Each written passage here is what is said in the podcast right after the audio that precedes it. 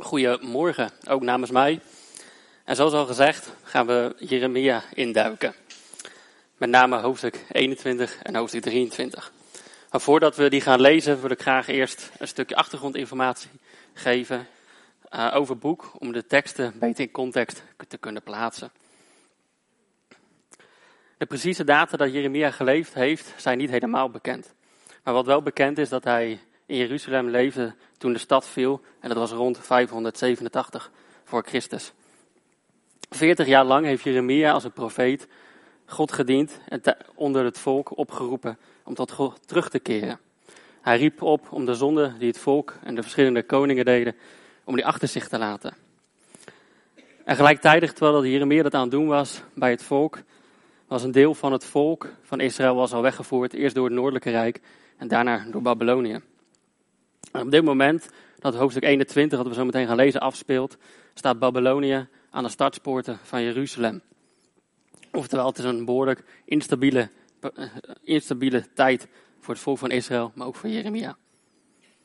En het is denk ik goed om te weten dat het Bijbelboek Jeremia totaal niet chronologisch is. Sommige hoofdstukken staan ogenschijnlijk kriskras door elkaar heen. En hoofdstuk 21 tot en met 23, ik zei hoofdstuk 23 gaan we zo ook lezen. Dat is eigenlijk een soort van samenvatting of samengebracht. Of een soort van, nou de hoogtepunten, misschien eigenlijk wel de dieptepunten. Wat Jeremia aan verschillende koningen heeft gezegd. En het eerste deel van die soort van samenvatting, die gaan we zo meteen lezen. En het is met name dat stukje wat we gaan lezen, dat is gericht op koning Zedekai. En hij is de laatste koning die Juda, zo het zuidelijke deel, regeert voordat de stad in handen valt verwoest wordt. Zoals gezegd, 40 jaar lang heeft Jeremia het volk opgeroepen. En als we hoofdstuk 21 en 22 zouden lezen, wat we dus niet helemaal gaan doen vandaag, dan wordt, spreekt Jeremia daarover de volgende dingen qua zonde. Met name het onrecht en onrechtvaardigheid van verschillende koningen. Dat het volk uitgebuit wordt. Dat de koningen de lonen van de arbeiders die ze aanstellen niet betalen. Dat weduwen en weduwe, weduwenaren uh, niet, uh, die, dat die onderdrukt worden, dat er niet goed naar gehandeld wordt. Onschuldig bloed wordt vergoten en er is een hoop afgoderij. Verschillende koningen halen actief andere goden binnen, binnen het land, zodat die aanbeden kunnen worden in plaats van God. En dat wil ik zo met jullie lezen, hoofdstuk 21, vers 1 tot en met 10.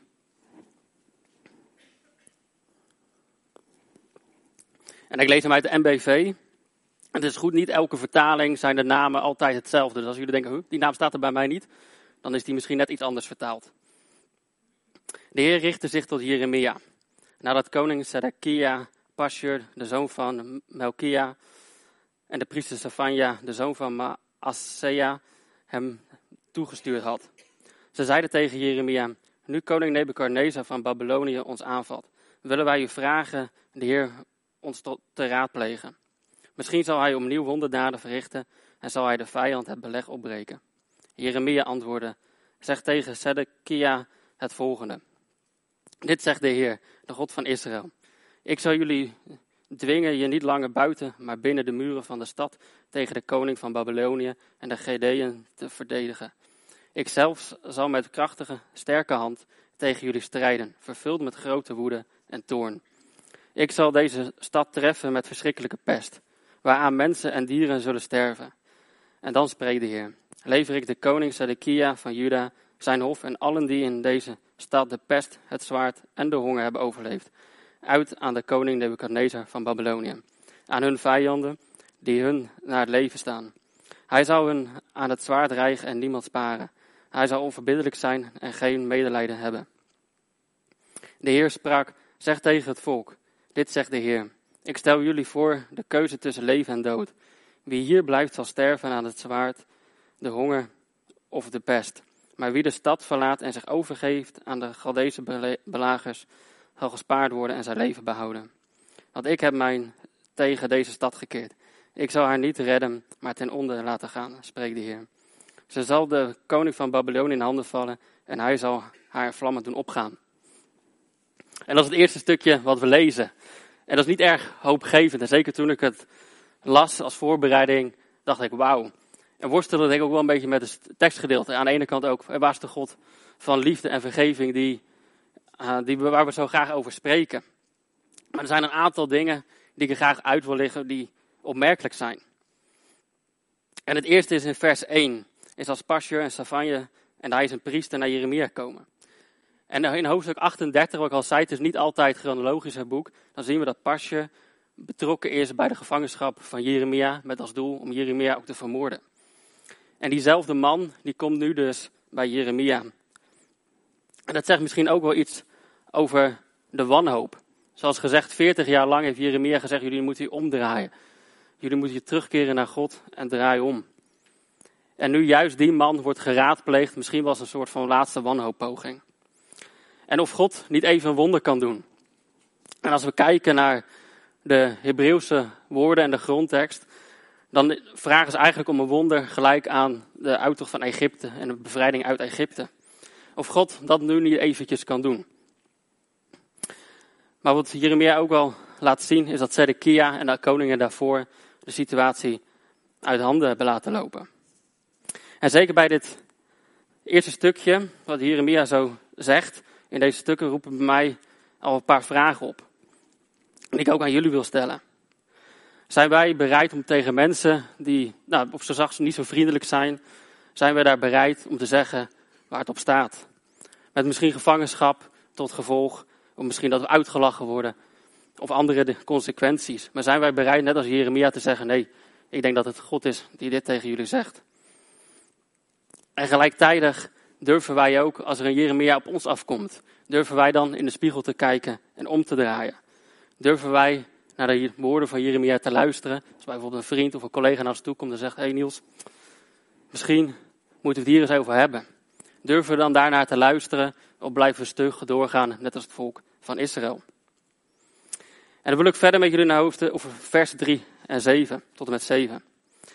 Het, God van, of het antwoord van God is zeer duidelijk. Ze zullen zich dus terugtrekken binnen de stadspoorten en ze zullen moeten, Babylonië zal daar staan. Maar Babylonië is niet de echte vijand. In vers 5 staat, ik zal met krachtige, sterke hand tegen jullie strijden. Oftewel, God is op dit moment het vijand van het volk. En ook als we naar deze woorden kijken in de grondtekst, dan zien we dat God deze woorden ook gebruikt heeft bij de uittocht van Egypte. En ook in Deuteronomië zien we meerdere keren dat God, maar als we naar de grondtekst kijken, deze woorden gebruikt om juist tegen andere volken te vechten, om Israël te bevrijden. En juist die woorden worden nu tegen Gods eigen volk gebruikt. En dat zegt misschien ook wel iets over hoe boos God is, want hij zegt ook met woede en toorn, kom ik. En als we dan naar vers 7 kijken, dan staat daar de pest, het zwaard en de honger. En het zwaard en de honger, dat zijn gevolgen van het beleg en de gevolgen dat Babylonië aan de stadspoorten staat. Maar die drie woorden samen, de pest, de honger en het zwaard, zijn altijd in het boek van Jeremia Gods oordeel. Oftewel, als die drie woorden samen staan, dan heeft Jeremia het over Gods oordeel. Oftewel, met andere woorden, de maat is vol en God is er klaar mee. En dit zijn de consequenties die Jeremia nu namens God tegen het volk zegt. En dan gaan we verder naar vers 8 tot en met 10. En dan lijkt het erop dat God eigenlijk een soort van laatste kans geeft. Ook al is de maat vol, toch een soort van laatste kans. En als we kijken naar vers 8, dan staat ik geef jullie de keuze tussen leven en dood. En die keuze is het overgeven aan Babylonië of sterven in Jeruzalem. En dat is nou niet echt een prettige keuze om te hebben. Maar opnieuw geeft God toch weer een kans. En kan je je voorstellen dat je in een tijd leeft dat de vijand voor de deur staat en dat iemand tegen je zegt, geef je maar over aan de vijand, want dat is wat God wilt. En het is dus ook niet zo gek dat onder andere Pasje, maar ook anderen Jeremia als een landverrader zagen en hem gevangen zetten. Maar de mensen in, het, in Jeruzalem worden nu de vraag gesteld om complete overgave aan God, maar ook aan de Babyloniërs. Wat voor die tijd behoorlijk heftig geweest moet zijn. En zo lijkt er een hopeloos einde te komen aan het volk van Israël. Sterven in Jeruzalem of gevangenschap leven in Babylonië. En nogmaals, ik worstelde best wel tijdens de voorbereiding, want nogmaals is niet bepaald het beeld wat ik van God wil hebben misschien wel. En in hoofdstuk 21 en 22 is dus die opsomming slash samenvatting van de verschillende zonden die de koningen, maar ook het volk heeft gedaan. Zijn met uitbuiting, niet betalen van arbeiders, niet zorgen voor wezen en weduwen en afgouderij. Maar dan komen we bij hoofdstuk 23, vers 1 tot en met 8. En opnieuw wil ik die met jullie lezen.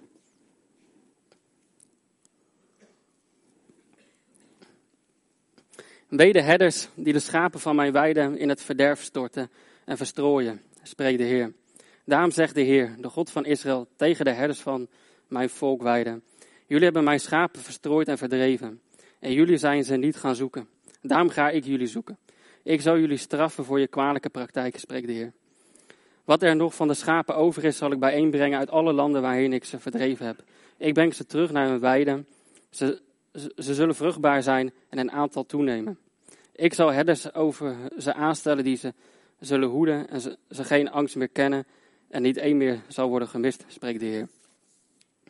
De dag zal komen, spreekt de Heer, dat ik aan Davids stam een rechtmatige telg laat ontspringen, die, de koning, die als een koning een wijs beleid zal voeren en die het land recht en rechtvaardig zal handhaven.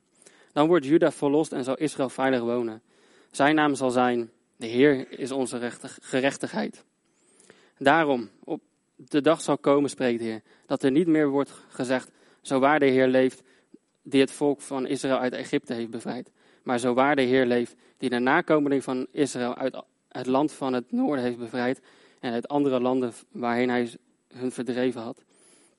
Dan zullen ze weer in een eigen land wonen. En waar hoofdstuk 21 en hoofdstuk 22 een doodlopende straat leek, en als we dan hoofdstuk 23 lezen, dan is er misschien een hele steile wegversmalling. In plaats van een doodlopende weg.